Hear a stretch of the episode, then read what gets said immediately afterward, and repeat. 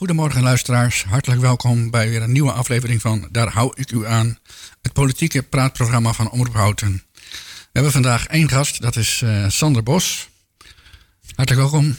Dankjewel.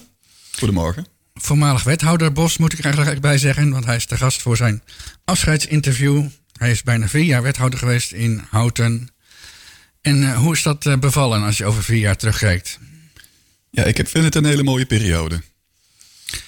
Een mooie periode met uh, moeilijke momenten, minder moeilijke momenten. We gaan zo een paar dingen aflopen, denk ik. Even, even afbellen, een paar dingen. Leuk.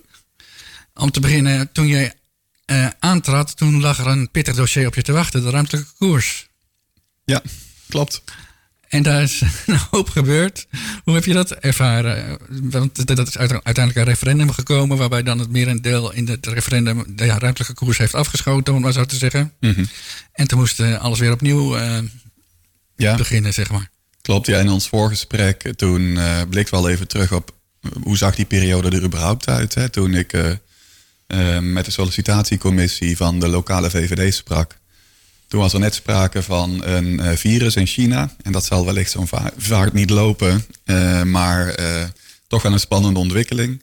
En een paar weken later ehm, was het al, nou, misschien zelfs een paar dagen later, dat ben ik zelf al vergeten. Um, was het al een volle hevigheid door Europa aan het bewegen. En moest er heel veel omgezet worden natuurlijk. Hè, van hoe ga je met de participatie verder om? Ik weet nog een van de volgens mij was mijn allereerste besluit om de ter inzagelegging van eh, de ruimtelijke koers te verlengen tot en met eh, mijn verjaardag. Dus dat is ook okay, zoiets wat je ja, niet dat snel was, Dat was in verband met corona werd dat verlengd, de, de inzage. Ja, onder andere. Ja. ja. Ja. ook omdat mensen zichzelf natuurlijk ook minder goed konden organiseren. Doordat uh, ja, bijeenkomsten niet meer mochten. En uh, nou, dat had ook echt wel impact op mijn, mijn kennismaking met de gemeente. Dus ik was eigenlijk bijna iedere dag wel hier, maar de manier van kennismaken was dan een wandelingetje maken of samen op de fiets. En dan moet ik zeggen dat de één op één gesprekken die je dan hebt, zijn wel van natuurlijk uh, hoge kwaliteit. Hè? Dus je hebt echt tijd om met mensen dingen door te spreken. Um, maar waar ik wel energie van krijg is op een spreekwoordelijk appelkistje mensen uh, wat vertellen, ergens ambassadeur van zijn. Dat, dat kwam er eigenlijk niet van. Of dat moest allemaal online moet zeggen, ik heb daar niet zoveel mee met teamsgesprekken of, of Facebook live of zo. Dat is een instrument, maar als ik uh, het op een manier kan doen waardoor je mensen achteraf ook een hand kunt geven, heeft dat bij mij een enorme voorkeur. Ja, de ruimtelijke koers is natuurlijk een enorm uh, project geweest. Eigenlijk een programma wat meer jaren al liep en um, de eerste versie werd ter inzage gelegd in 2020. Nou, er zijn heel veel bezwaren opgekomen en uiteindelijk uh, is het instrument referendum uit de uh, figuurlijke binnenzak getrokken door een aantal actieve inwoners die het er niet mee eens waren voor de mensen die dat niet mee hebben gekregen. Um, ja, en zoals bijna alle referenda, en daarmee wil ik het niet generaliseren, is, uh, is dit uiteindelijk, ik dacht met 66 of 67 procent tegen, tegelijkertijd met de Tweede Kamerverkiezingen weggestemd. Ja. En dat is zeker niet voor niets geweest, hè, want dat zei er in een bijzin bij. En er is natuurlijk voor ontzettend veel geld ook ontzettend veel informatie opgelepeld. Van hoe staan we ervoor, welke routes zouden we allemaal kunnen bewandelen. En die informatie wordt, nou ja, zover ik uh, uh, dat allemaal nog helder voor de geest heb, tot de dag van vandaag wordt die informatie ook nog gebruikt. Niet om op te bouwen, maar wel om kennis van te nemen. Dus dat, dat is in ieder geval iets wat we weten. Vond je het zelf uh, vervelend dat het referendum er kwam? Of heb je daar. Heb je daar... Nou, ik vond het met name lastig dat we als gemeente beperkt werden in de neutrale campagne. Dus ik word minder actief uh, de boer op met, uh, met het verhaal van het college. En dat is gewoon zoals het is. Hè. En dat is, daar heb ik me dan aan te houden. Um, uiteindelijk is het natuurlijk wel een grote inspanning van het hele team, uh, waar ik dan het boegbeeld van ben, um, wat het niet haalt. Dus dat voelt wel iets als, nou daar hebben we kennelijk steken laten liggen. Um, aan de andere kant merkte ik wel dat inwoners zich ook wel echt hebben uitgesproken voor betaalbaar bouwen, maar dan wel op een andere manier. Ja. ja dus er zijn echt wel dingen bevestigd die we misschien nog niet helemaal zeker wisten. Um, maar goed, uiteindelijk, ja, was het denk ik, ehm, gewoon een uitspraak ook aan de raad. Hè? Dus als we misschien hebben we het dadelijk ook nog over andere projecten. Uiteindelijk hebben we het traject redelijk eh, lang bij het college gehouden. Ja. En uiteindelijk Maar- gezegd en van nou eh, ja. raad, doe er maar een uitspraak over. Dus in die zin hoort dat dan ook zo te lopen. Ja, en toen kwam er dus een referendum en uiteindelijk eh, werd het, eh, de ruimtelijke koers verdween eh, van tafel. Ehm, zou je, als- je bent, hebt zelf gekozen om eh, weg te gaan eh, uit Houten. Je hebt een nieuwe baan gevonden, daar kunnen we ook zo maar even kort bij stilstaan. Maar wat is de reden dat je vertrekt? Ja, dat is niet één specifieke reden. Ik denk voor een deel is dat dat ik deze functie nu tien jaar mag bekleden. En dat is een hele eer. Maar het is best wel intensief. In ieder geval de manier waarop ik het wil doen. En iedereen doet dat op zijn eigen manier. Ehm, Want je hebt eh, hiervoor ook een wethouderschap er- elders eh, ja, bekleed. ja, ik ben zes jaar wethouder in West Maas en Waal geweest. eh, tussen Tiel en Nijmegen. Ehm, en ik heb wel eens gedacht van nou misschien moet ik niet me verplicht voelen om bij iedere bijeenkomst waar ik wellicht wat kan bijdragen om daarbij te zijn. Maar dan merkte ik al snel dat ik later dacht, oh, daar had ik toch bij moeten zijn. Of ehm, heb ik daar misschien iets gemist. Ehm, dus ik merkte, ik, ik doe dat op een bepaalde manier en die past bij mij, maar dat is wel een intensieve manier. Ehm, en eh, na tien jaar is die batterij even leeg, denk ik. Ik zeg ook niet dat dat nooit meer terugkomt. Maar het zijn gewoon veel eh, avonden, ook redelijk wat in de weekenden. Ehm, en ik merk dat het leven van mijn kinderen ook wat meer in de avonden plaats gaat vinden. Die zijn ondertussen 9 en 12 jaar. En vroeger kon ik ze nog om eh 7 uur, half acht eh, op bed leggen, snel mijn pak aan doen. En dan hadden ze niet door dat ik de deur uit was.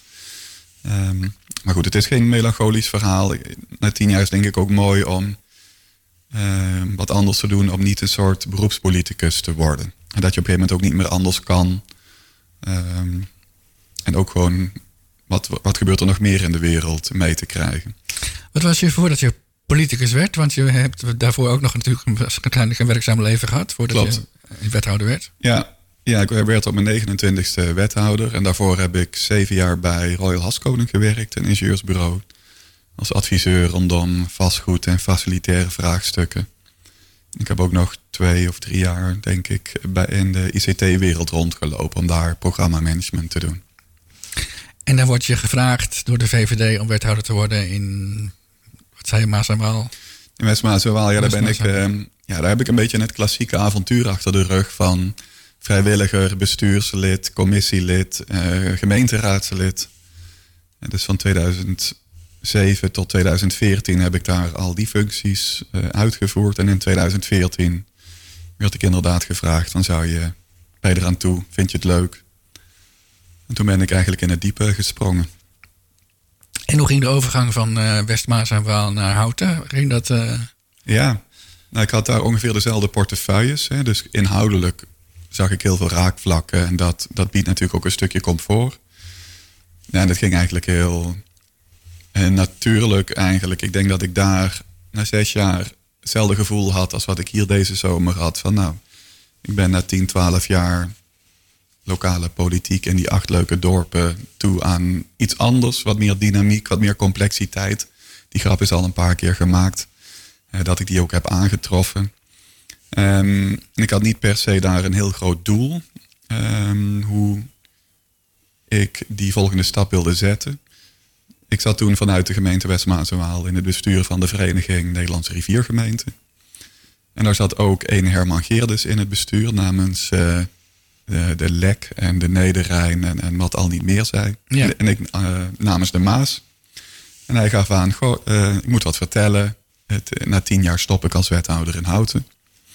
En toen ging er bij mij een soort lampje branden. Van, goh, dat is een leuke gemeente. Daar heb ik wat leuke verhalen over gehoord eh, van jou, Herman. Ehm, met wie zou ik eens kunnen contacten? En toen kreeg ik het nummer van eh, ene Eve Stiekema.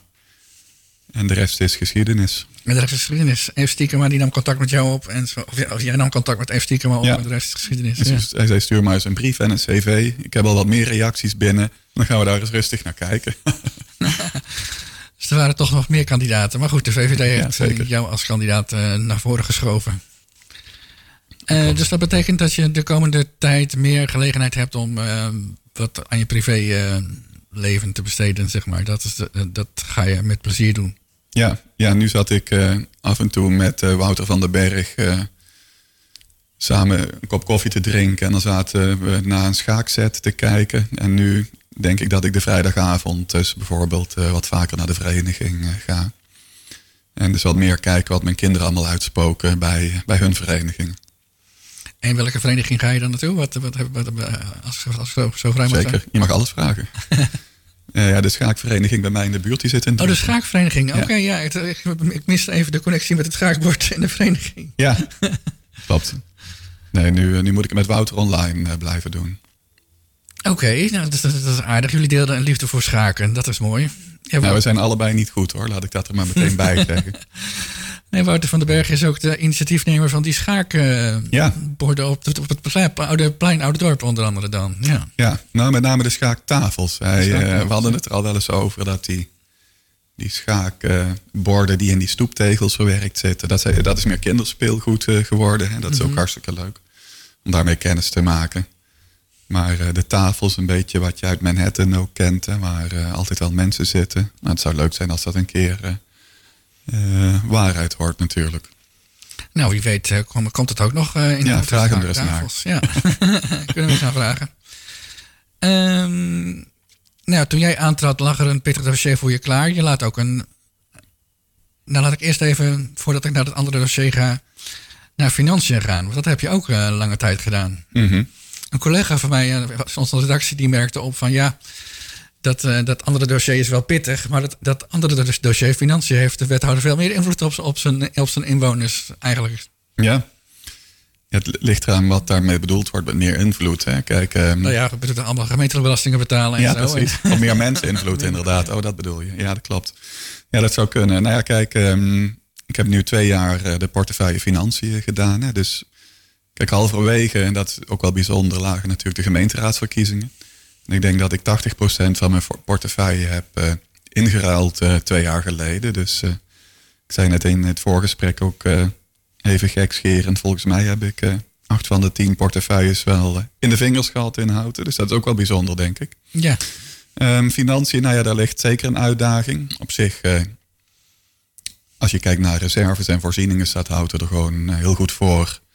Maar er ligt natuurlijk, als je kijkt naar hoe uh, breidt onze begroting zich uit qua uitgaven en inkomsten, dan zit daar een onbalans. En die moet op een gegeven moment gerepareerd worden. Nou, enerzijds ben ik altijd druk geweest met uh, niet alleen inhoud te zijn, maar ook lobbyen in Den Haag, bij de provincie, maar ook bij de M50, waar de gemeente actief is, waar onze burgemeester ook, uh, de burgemeester van Houten moet ik tegenwoordig zeggen, een actieve rol in speelt, een hele mooie rol in speelt. Um, om druk uit te oefenen. Van ja, leuk Den Haag, jullie vragen van alles aan alle gemeenten. Er moet meer gebeuren aan uh, welzijn, armoede, duurzaamheid. Maar zoals de voorzitter van de VNG altijd uh, in one-liners sprak, uh, zonder knaken geen taken. En um, ja, daar zit wel druk op. Ik verwacht wel dat er vanuit het Rijk meer gaat komen. Maar je zit natuurlijk ook met z'n allen naar informatie te kijken. Van wat gaat daar in vredesnaam uitkomen aan uh, werkgeluk. Um, dus dat is wel iets wat spannend is. Want uh, nou, het gaat om wel een paar miljoen bezuinigingen als het zo blijft. Ja, want we hebben dat beruchte ravijnjaar van 2026... wat nog op, het, Klopt. op de horizon staat, zeg maar. Als, als er niks... Als vanuit het Rijk niet meer geld komt, dan moet Houten flink bezuinigen. Absoluut. En dat dossier krijgt jouw opvolger, Daan Vermeulen. Die gaat daarmee aan de slag. Ja die, die is dan ook de wethouder die uh, met de inwoners de keuzes moet gaan maken over uh, waar er bezuinigd op mag worden. Omdat de gemeente ervoor gekozen heeft om de inwoners te laten spreken over waar bezuinigd op kan worden. Ja. ja, dat verhaal is wel aangekondigd en in de stijgers gezet. En het is nu aan hem, eh, aan het college natuurlijk. Want een individuele wethouder heeft misschien minder macht dan je zou denken. Maar het is in ieder geval aan het college om, om daarmee naar buiten te gaan. Klopt. Nou, daar is ook, uh, ja, daar ligt volgens mij een mooi programma om daar een succes van te maken. Maar dat betekent dat de kaders nog naar buiten moeten komen. Want volgens mij waren die, nog, die nog niet geschetst. Dat er bepaalde delen waren waar niet op bezuinigd zou worden. En sommige delen mochten dan wel. En dat moet dan nog. Ja, in november of december uh, van 2023 is daar met de Raad het gesprek over gevoerd. Daar wordt nog een vervolggesprek met de gemeenteraad over gesproken.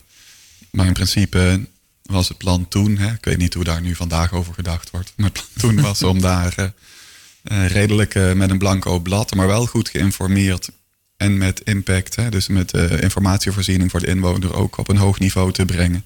Hm. Zodat je met elkaar ook geïnformeerd het gesprek kunt voeren. En wat zou kunnen gebeuren is, en volgens mij hebben jullie daar een bijdrage aan geleverd, is dat je op straat staat met een camera. Ik weet even niet wie van jullie dat, het was. Nou, wel van onze redactie heeft iemand. Ja, iemand van jullie.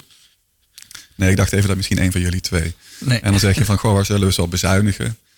Dat is op zich een interessante methode, maar daar raak je natuurlijk net niet de juiste diepte.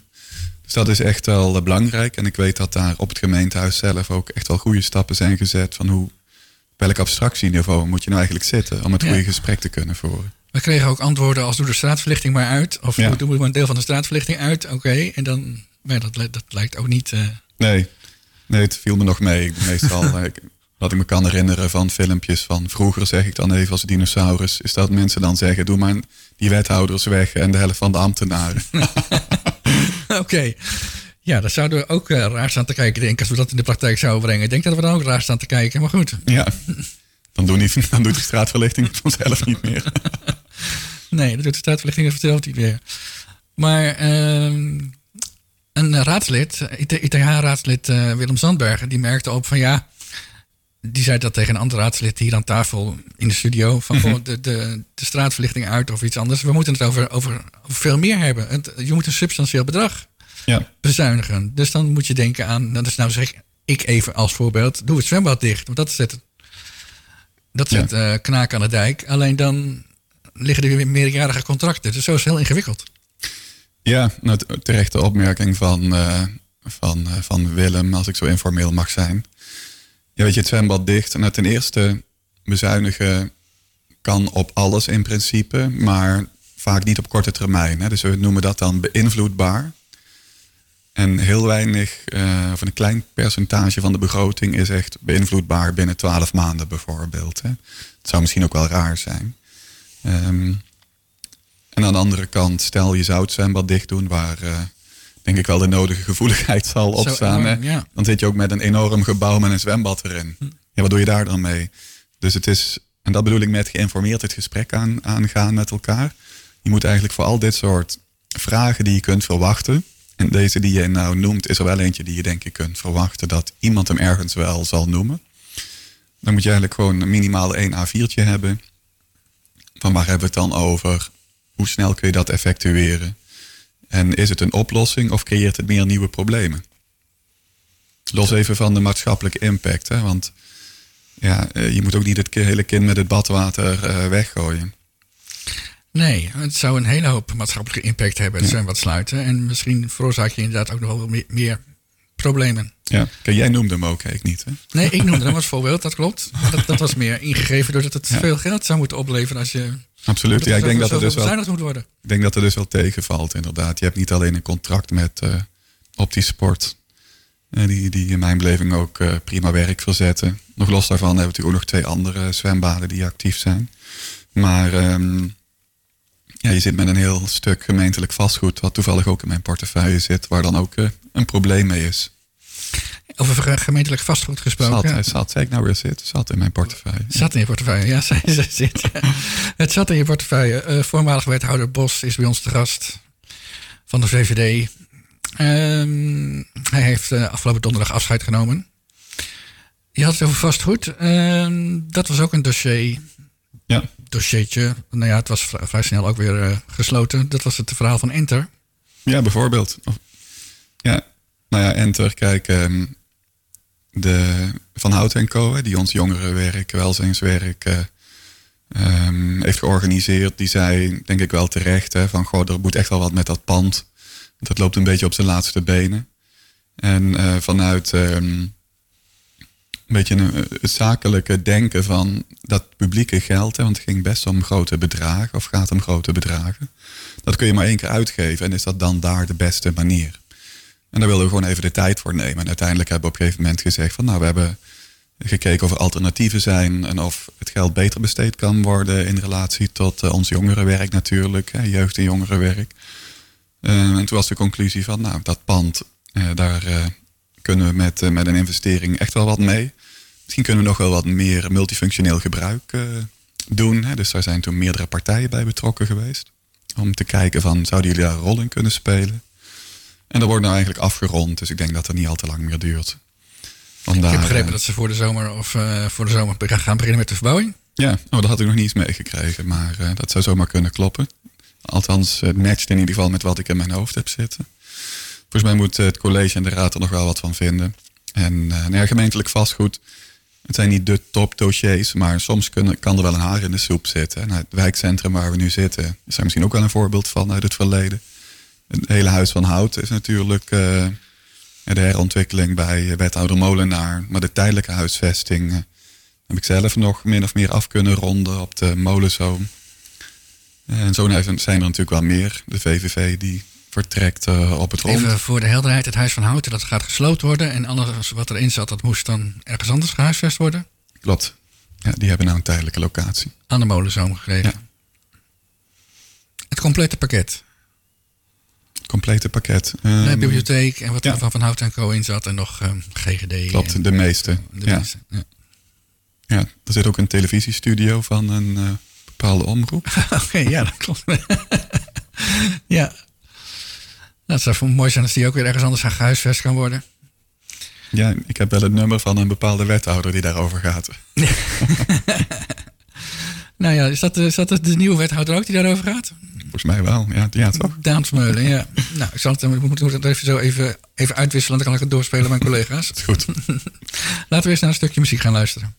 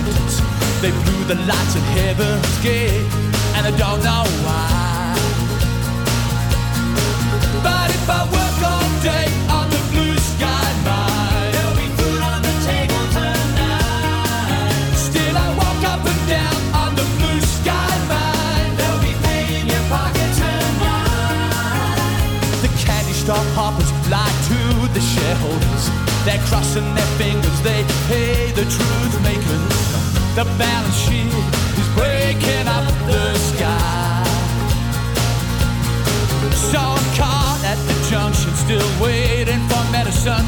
The sweat of my brow keeps on feeding the engine. Hope the crumbs in my pocket can keep me for another night.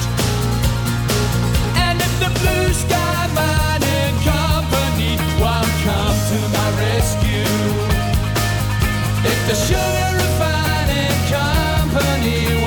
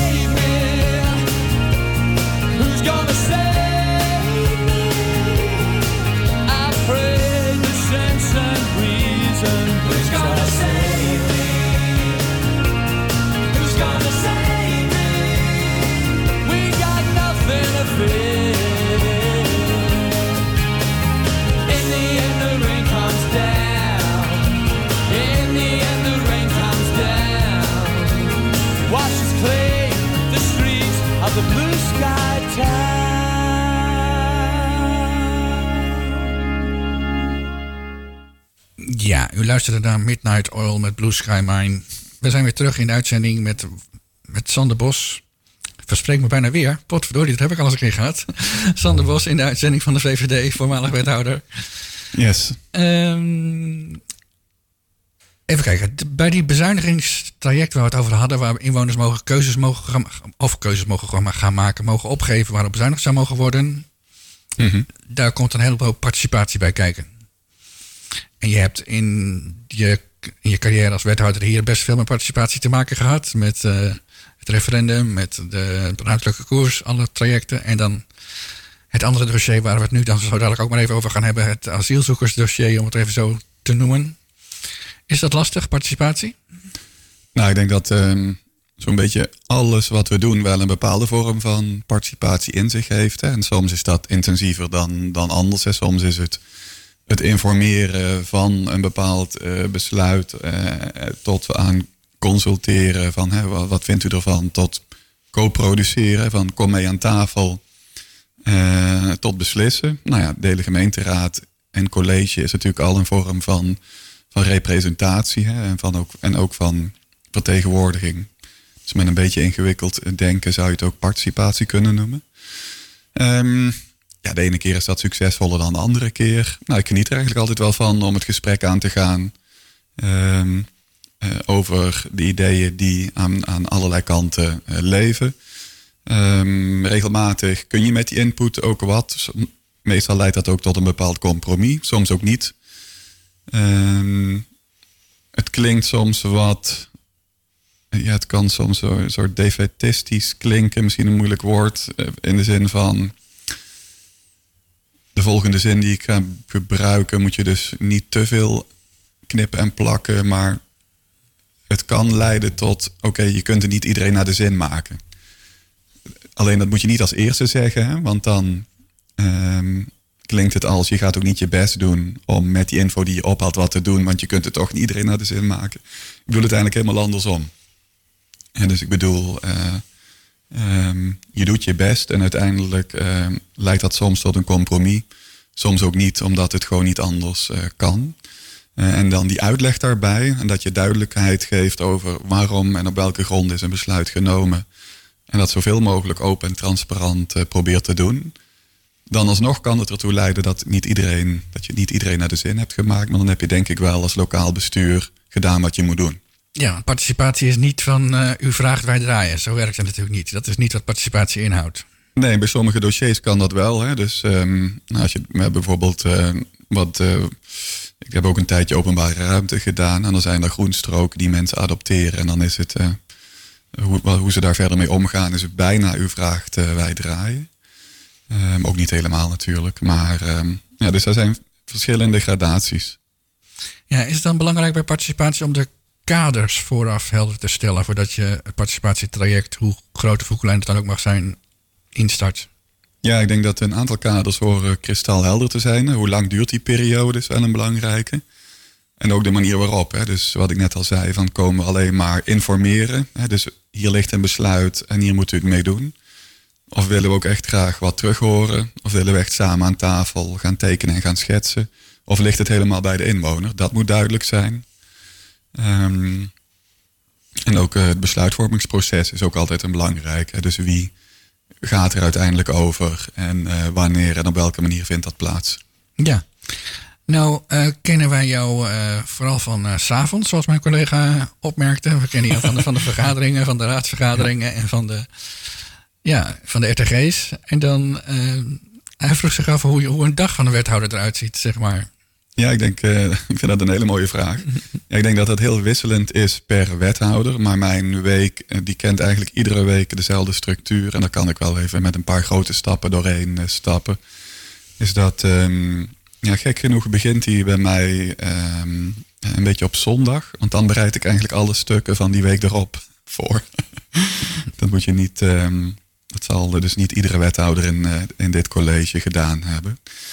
Um, en op maandag zijn dan de beleidsoverleggen. Dat is vaak uh, intern gericht. Van wat ligt er allemaal op tafel. En wat naar het college, naar de raad en naar inwoners en naar organisaties moet. Um, en op maandagavond uh, sluit ook vaak, uh, sluit ik ook vaak aan bij, bij een fractie. Of soms is er ook coalitieoverleg. Nou, op dinsdag is eigenlijk de dag van het college. Dus dan is er collegevergadering. Dat weten jullie denk ik wel. Dat duurt uh, nou, zeker de hele ochtend. En meestal eten we dan tussen de middag samen een hapje. En dan is er smiddags vaak ruimte voor wat verdieping op een thema of een bedrijfsbezoek, werkbezoek. En dinsdag is meestal ook wel een, ja, een RTG, commissie, raadsvergadering. En als die heel laat is geworden, meestal probeer ik dan woensdagochtend niet te vroeg al een overleg te hebben waarin ik heel scherp moet zijn. dus dan begint dat meestal mijn dag om half tien of zo. En dan probeer ik juist ook uh, buiten de deur te zijn op woensdag. En woensdagavond is eigenlijk de avond die ik een beetje vrij probeer te houden. Of voor een spoed eh, iets of uh, voor uh, niks. dus dat dat gewoon vrij blijft. En donderdag is vaak de dag van de gemeenschappelijke regelingen. Ik was natuurlijk actief bij de WIL, de werk- en inkomen lekstromen. bestuurde platform lekstromen op het gebied van het sociaal domein. De BGAU, onze belastingssamenwerking. Ja, ja, ja, en op vrijdag um, dan moeten eigenlijk uh, donderdag, vrijdag alle stukken weer uh, en route, zoals ik dat altijd noemde, richting uh, alle stukken de deur uit, richting college, raad en alle kanten op. En dan op zondag moeten al die stukken weer gelezen worden. En een inkijkje in de week van de wethouder. Even voor de luisteraar, de gemeenschappelijke regelingen, dat zijn allerlei besturen oh waar, waar, wethouders in, ja, als nevenfunctie naast hun wethouderschap inzitten namens de gemeente Houten, zeg maar. Klopt, ja. En dat zijn er nogal wat voor gezien over een heel college, maar goed. Ja, zeker. Ja, ik noem er ook nog maar uh, beperkt aantal inderdaad, ja. Voor de meeste mensen is de BGHU misschien wel de bekendste, de belastingssamenwerking. Ik ben er ook bang voor. het zijn de nette brieven die niet met plezier opengemaakt worden, denk ik, in de meeste gevallen. Nee, ja. Het, het, het, het hoort erbij, denk ik altijd maar. maar vooruit. Ja, zeker. Uh, het dossier wat je, nieuwe, wat je nieuwe wethouder Daan Vermeulen op moet pakken, onder andere, is het uh, asielzoekersdossier, om het even zo te noemen. Voor, ja. voor, De, de, ja, voor het, uh, het, AZC en de spoedzoekers en de drie maatschappelijke organisaties, om het even iets completer te maken, dat, dat plan, omdat mm -hmm. huisvesten inhoudt de Oost, Zuidoost. Ja, dat plan hebben jullie met, heeft het college mee teruggenomen om zich uh, nader te beraden, een soort adempauze. En dat moet dan op enig moment weer boven water komen. Maar dat is nu aan de, je collega Daan Vermeulen. Ja, jouw samenvatting is, uh, is heel erg mooi en helemaal rond. Ik, ik, noem zelf altijd even de projectnaam Houten Hub. En dat uh, heeft inderdaad tot doel om Houtense woningzoekende, nieuwkomers inderdaad, vluchtelingen. En drie hele belangrijke organisaties een plek te bieden. Klopt, ja, dat hebben we in november gepresenteerd. En half december is daar de beroemde pas op de plaats gemaakt. Dat is, ik zou zeggen, de cirkel is een beetje rond. Want toen je zelf aantrad, kwam er een pittig dossier op je af. En nu, nu ga je zelf weg en nu laat je een uh, enigszins pittig dossier achter voor een collega. Klopt. Voor een ja. nieuwe, nieuwe komende wethouder. Zeker, ja, ik houd graag anderen van de straat, zeg ik dan met een knipoog. Nee, dat is een beetje flauw, maar ja, weet je wat het is met heel veel dossiers? in verkiezingstijd, want ik ben ook twee keer of drie keer geloof ik zelfs eh, lijsttrekker geweest. Dan zeg je vaak een beetje stoer, ik wil graag een klus afmaken. In de, in de basis slaat dat natuurlijk nergens op, want wanneer is een klus af? Uh, dus uh, ook zo'n dossier houten hub. Uh, de inzet was om een project te starten met een doorlooptijd van 15 jaar. En dan zou je over 17 jaar, 16 jaar kunnen zeggen, nou nu is het af. Want dan is de locatie weer, weer leeg. En dus ik heb ook bij de ruimtelijke koers of ja, wanneer is iets af? Ik heb dat altijd soort kantelmomenten genoemd. Ik denk dat er door die pas op de plaats voldoende ruimte is voor het college en ook voor een nieuwe wethouder om daar uh, een kleur en, en draai of wat je dan ook wil noemen aan te geven. Um, dus in die zin heb ik wel echt mijn best gedaan om te kijken, laat ik niet een soort fait accompli achterlaten, waarin je dus een, een, een, dossier hebt wat is wat het is, maar ook geen richting meer te kiezen valt. Nee, oké. Dus er is nog eh, ruimte voor, de, voor, voor, je, voor je opvolger om te, te bewegen, zeg maar, op het dossier. Ja, daar is uh, dat. Als je als college het dossier intrekt, dan ligt de bal bij het college. Dat is ook wat ik net een beetje onduidelijk wellicht noemde bij de ruimtelijke koers. Daar lag de bal werd eh, door mij toen nadrukkelijk ook bij de gemeenteraad gelegd. Van goh, we hebben dit nu als college zoveel tijd op zitten kouwen en kouwen. Nu moeten jullie er echt wat gaan van vinden. Daarom ben je als college natuurlijk een stukje regie uit handen, waar helemaal niks mis mee is. Volgens mij doen we het ook altijd samen. En zo voelt dat ook. Maar hier hebben we ook echt gezegd van oké, we nemen het als college mee terug, zodat het college met een vervolgstap kan komen. En die moet nog gezet worden. Oké. Hoe, ehm, heb je dat eh, ervaren, al die weerstand rondom uh, het dossier uh, Houten Hub? Dat moet volgens mij best pittig zijn als wethouder. Het is natuurlijk gewoon, het is gewoon je werk, maar het lijkt me niet altijd even plezierig op zo'n moment. Het is niet altijd even plezierig. Aan de andere kant heb ik in die tien jaar heel wat meegemaakt. En um, ik moet zeggen, het, is, waren af en toe wel discussies dat je denkt, poeh, wat zeggen mensen toch? En niet eens naar mij toe, maar um, wel uitspraken. Um, ja, wat ik gewoon jammer vind dat ze worden gedaan. Hè. aan de andere kant is het allemaal wel netjes verlopen. Het is niet uit de hand gelopen. Ik heb me niet uh, echt bedreigd gevoeld of fysiek ben ik helemaal niet uitgescholden of iets dergelijks. Dus in die zin wil ik dat ook wel echt even noemen. Um, er waren wel uh, voorbereidingen getroffen, zoals dat meestal wel gaat bij grotere bijeenkomsten. En online is de sfeer natuurlijk ook niet altijd even leuk. Hè? Dus uh, wat ik altijd wel grappig vind als ik dan reageer en ik zeg, oh, ik zie dat het je hoog zit, zullen we een keer een kop koffie doen? Het eerste wat mensen dan doen is hun zichzelf excuseren van ja, het liep me helemaal, het liep me hoog op en uh, ja, je snapt wel dat ik overvallen was, et cetera, et cetera. Dus ik moest het gewoon even kwijt. Nou, daar heb ik ook begrip voor. En vaak is het eerste kwartier van zo'n gesprek gaat daar dan over. Ja.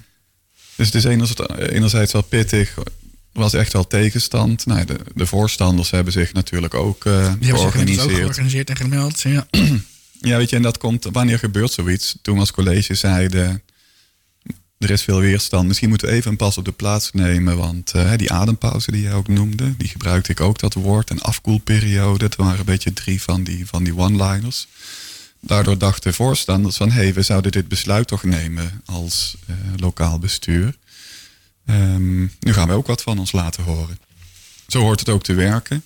En dat is ook helemaal top. Um, ik denk dat nu wel een periode aangebroken zou moeten zijn... waarin je via gesprekken ook weer komt tot... waar leidt dat dan toe? Hm. Maar goed, dat is uh, natuurlijk niet meer aan mij. Ja, het zijn intensieve periodes ook omdat... ik had het al een keer over mijn aanpak... Ik, belangrijk vind om mensen dan ook op te zoeken. Om aan die keukentafel te zitten. heel veel kopjes koffie. heel veel eh, tijd. Heel, ja. veel kopjes koffie uh, gedronken. Ja, ik had, het is wel, uh, het waren echt wel uh, vijf, zes hele intensieve weken. Misschien een tip voor de opvolger. Leer, leer koffie drinken als je het nog niet doet. ja, ja. Weet je, iedereen moet dat op zijn eigen manier doen. Ja, ja nou ja. Even kijken. Ja, we krijgen een, een, een moment van... ja, er komt een vraag. Ja, dat, dat doe ik toch heel even mee. Uh, wat mij wel belangrijk lijkt is bij, bij die hub. Um, ten laste van wie komt dat nou? Je hebt vluchtelingen, je hebt statushouders en je hebt de, de andere functies die dat krijgt. Maar uh, ten laste van wie gaat dit? Overheid, gemeente? Dat heeft toch zeer, zeer te maken met de keuzes die je maakt. Je bedoelt op het geld? Wie, dat, ja, wie, gaat, wie het gaat betalen? Oh. Dat bedoel jij? Ik denk wel. Ten eerste het geld, ja. Ja, het zijn inderdaad uh, vluchtelingen, maar ook uh, het grootste gedeelte houtens uh, woningzoekenden zouden het zijn. Dat spoedzoekers, ja. Um, ja, ten laste van wie? De financiële stromen, dat, daar is ook niks geheims aan. Hè? Dat ligt gewoon allemaal, staat allemaal online. Kijk, er is het deel wat het COA financiert. En er is een deel wat gewoon eigenlijk sociale huurwoningen zijn die wonen in onze woningcorporatie uh, zou organiseren. En de gemeente zou aan de lat staan voor het organiseren van de drie maatschappelijke organisaties. Ja, en onderaan de streep uh, wordt er eigenlijk geen geld verdiend. Hè? Dus uh, dat idee wordt regelmatig geponeerd van dat doet de gemeente om geld te verdienen. Maar als dat zo zou zijn, zou ik het ook vertellen natuurlijk. Maar dat, dat is niet zo. Maar die informatie die is beschikbaar. Oké, nou we hebben, we dan al een, duidelijk antwoord op de vraag uh, wie dat uh, gaat betalen. Er zijn dus drie partijen die dat betalen. Woningen voor de sociale huurwoningen. Uh, het COA voor de asielzoekers en de gemeente voor het organiseren en de, de infrastructuur voor een deel, denk ik dan. Ja, ja nou ja, er zit natuurlijk een stukje overlap in precies wat jij zegt. Een soort van bouw- en woonrijp maken zou je dat vroeger noemen. Van zo'n gebied. En dat moet ook allemaal aantoonbaar tijdelijk zijn. En de provincie Utrecht heeft daar natuurlijk ook een rol in. En die, die hebben dat ook als voorwaarde en zo meegegeven. Provincie Utrecht, heb je daar. Uh, hoe was de samenwerking met de provincie Utrecht als uh, wethouder? Heb je, daar in jouw portefeuille veel mee te maken gehad? Of, uh, nou, financiën, de provincie is toezichthouder. Ja, klopt. Ja, op hele veel verschillende manieren contact mee gehad, inderdaad. En um, ja, in de basis zit er gewoon een goed uh, provinciaal bestuur. Dus daar hoef ik ook niks spannends over te zeggen. Nou, er zijn wel dossiers. Bijvoorbeeld vanuit de wet op de natuurbescherming is zo'n Loerik 6 vanuit Vinex natuurlijk een locatie waarin ik in mijn RO-tijd en houten mee te maken had. Nou, daar hebben jullie ook het een en ander over geschreven natuurlijk. Ja. Um, als het gaat over financieel toezicht wat ze doen. En bijvoorbeeld ook op de taakstelling van statushouders. Wel eens contact mee gehad. Bijvoorbeeld met het uitstel van het presenteren van de jaarrekening vorig jaar. Uh, hebben we bestuurlijk ook al wat contacten gehad.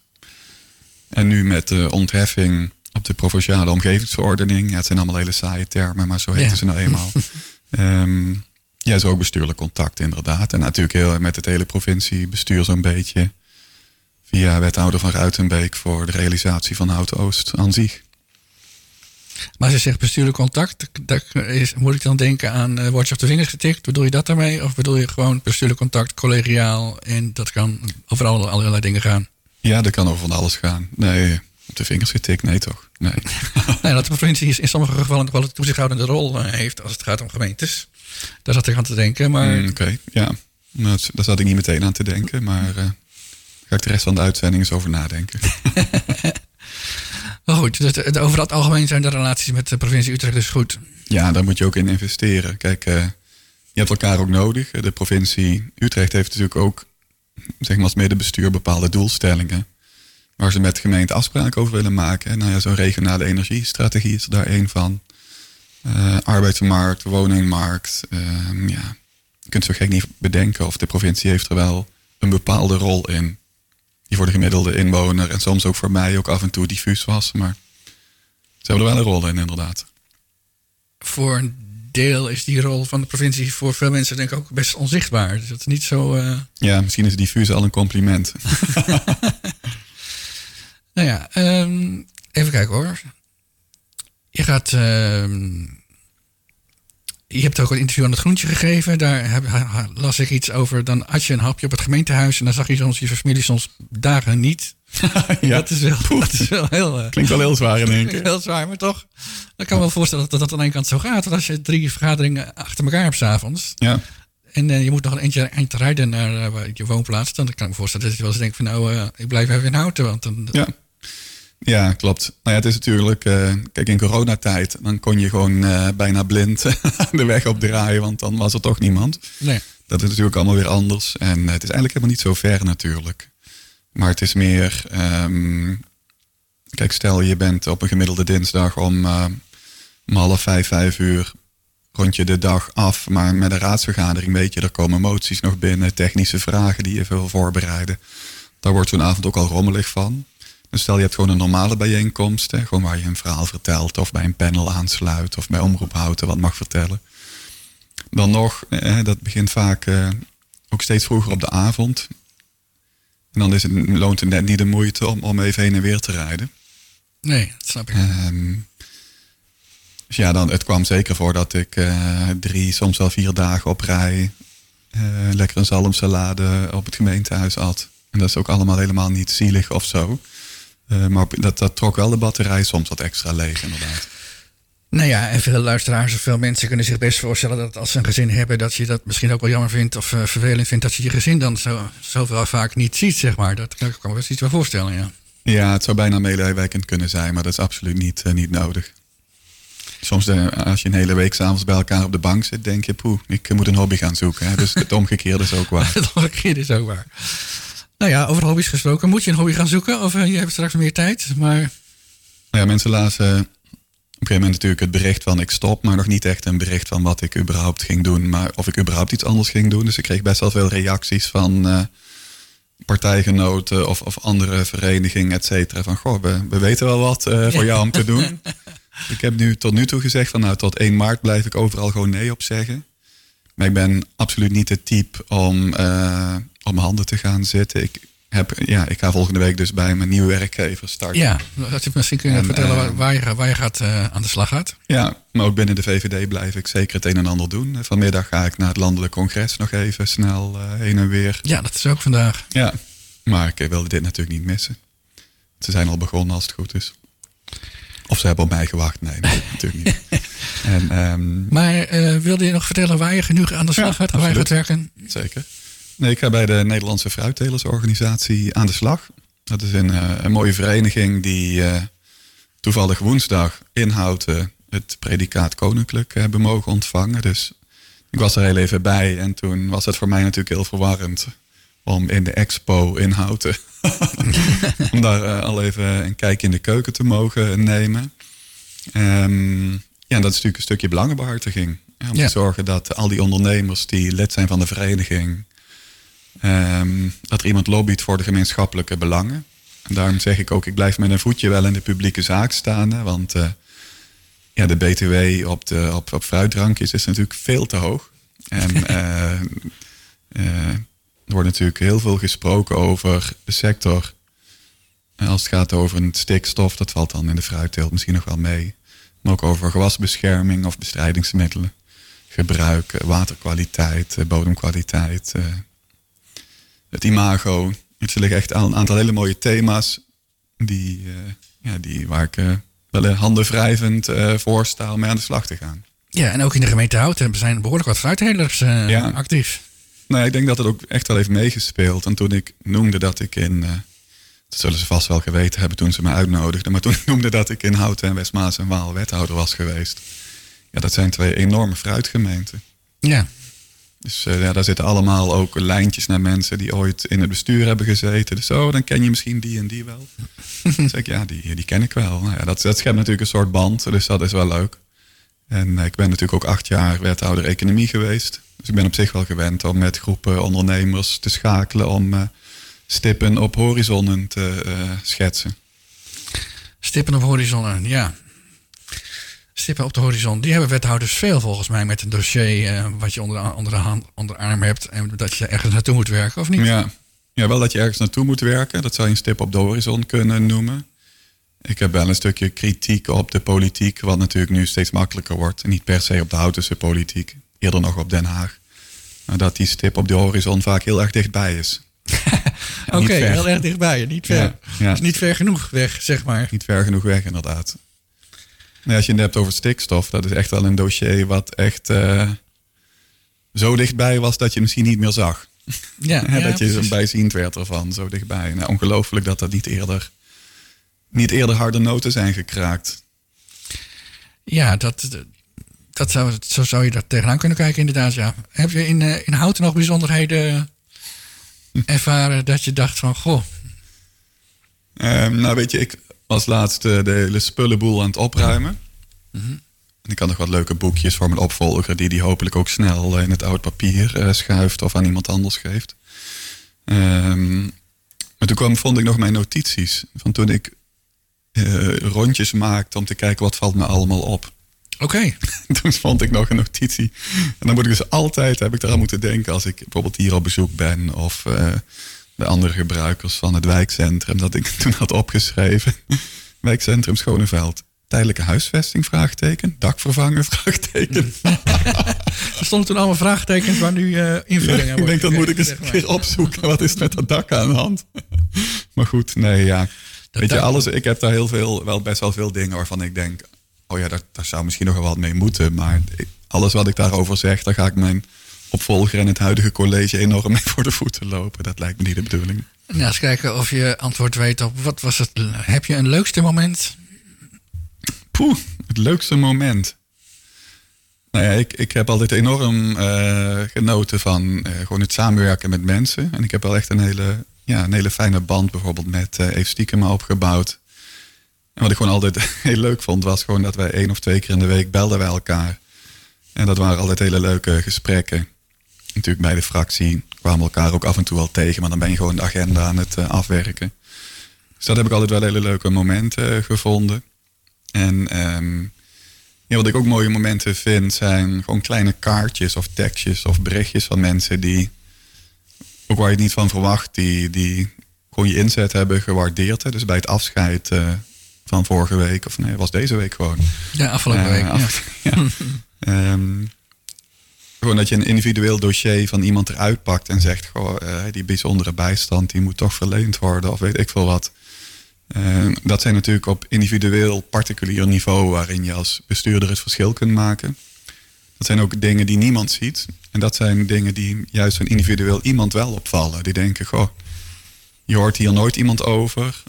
Want 60, 70 procent van het werk van een wethouder, misschien wel 80 procent, dat zie je überhaupt helemaal niet. Dat zijn die, die individuele dossiers waar je het ook helemaal niet over moet hebben in de publieke ruimte. Nee.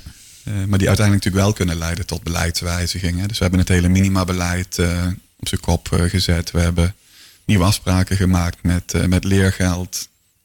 Aangesloten bij de Alliantie Kinderarmoede. Allemaal om, om structureel in te bedden dat um, ja, vooral mensen die hun eigen verantwoordelijkheid niet kunnen nemen, tijdelijk of permanent, dat, die ook, dat er ook oog en oor voor is. Daar heb ik me ook altijd wel, wel hard voor gemaakt. Dus uh, ja, dat zijn wel dingen die denk ik niet zoveel worden gezien. Um, maar dat zorgt wel voor hele bijzondere momenten één op één. Die, daar kijk ik denk ik ook het meest warm op terug. Dat zijn zeg maar de, heet dat discretionaire bevoegdheid van een wethouder? Ja, ja klopt. Ja, ik zeg altijd... te nemen in dossiers, als het, als het puntje bij paaltje komt, dat een ambtenaar zegt van ja, je moet de wethouder toch even een besluit over overnemen. Ja, en soms, uh, ik moet zeggen, wij hebben ook wel dermate proactieve ambtenaren dat die soms adviseren om de, wat we dan in gemeenteniveau de hardheidsclausule in te zetten. Um, dus het niet, niet zo dat ik dan de hele boel zit te overroelen en iedereen met tegenzin denkt, daar gaat hij weer. Um, maar dat is gewoon een middel wat je in kunt zetten. Dus dan krijg je een dossier op je bureau met een advies van een ambtenaar erbij van ik zou dus of zo doen en dan is het aan de wethouder om dat besluit te nemen. Ja, ja, en voor een deel vind ik dat ook een vorm van, je zou dat een vorm van willekeur kunnen noemen. Dus ik heb ook mijn best gedaan om die bevoegdheden gewoon bij de ambtenaar zelf neer te leggen. En dus we hebben zeker in het sociaal domein een aantal ambtenaren die, wat ik dan uh, regelvrij budget heb genoemd. Ja. Regelvrij budget. Ja, dat okay, zijn wel echt dus... termen die ik allemaal uh, tip aan mijn opvolger of zijn daar betere termen voor. Maar dat betekent gewoon dat die ambtenaren een stukje budget hebben waar ze zelf wel mogen beslissen, als ik het goed begrijp. Ja, ja zo zou dat ze enige vrijheid vatten. van beslissen hebben. Ja, er wordt wel verantwoording over afgelegd natuurlijk. Ja, uiteraard. Maar, dat is, dat ja. is gewoon in uh, overheidsland om verantwoording af te leggen over zaken. Ja, het kan. Ik, ik leg liever uit, of ik heb liever uitgelegd dat we de regels misschien net niet helemaal hebben toegepast, dan dat we een schrijnende situatie mede mogelijk hebben gemaakt. Dat is een mooie om mee af te sluiten, denk ik. Ah, is het serieus al zover? het is, is nou, hartstikke mooi. Dankjewel voor je komst naar de studio. Je ja, bent speciaal hiervoor hierheen gekomen. Dankjewel daarvoor. En dan ga je straks naar het VVD-congres. Veel plezier daar. En veel plezier bij je nieuwe baan. Dankjewel. En jullie ook veel werk, plezier en gezondheid toegewenst. Dankjewel. Ik dank Stefan van der Steen voor het bedienen van de schuiven en de knoppen. Ik was John van Aanbrongen. Ik heb het interview gedaan en ik wens u tot de volgende keer een fijn weekend.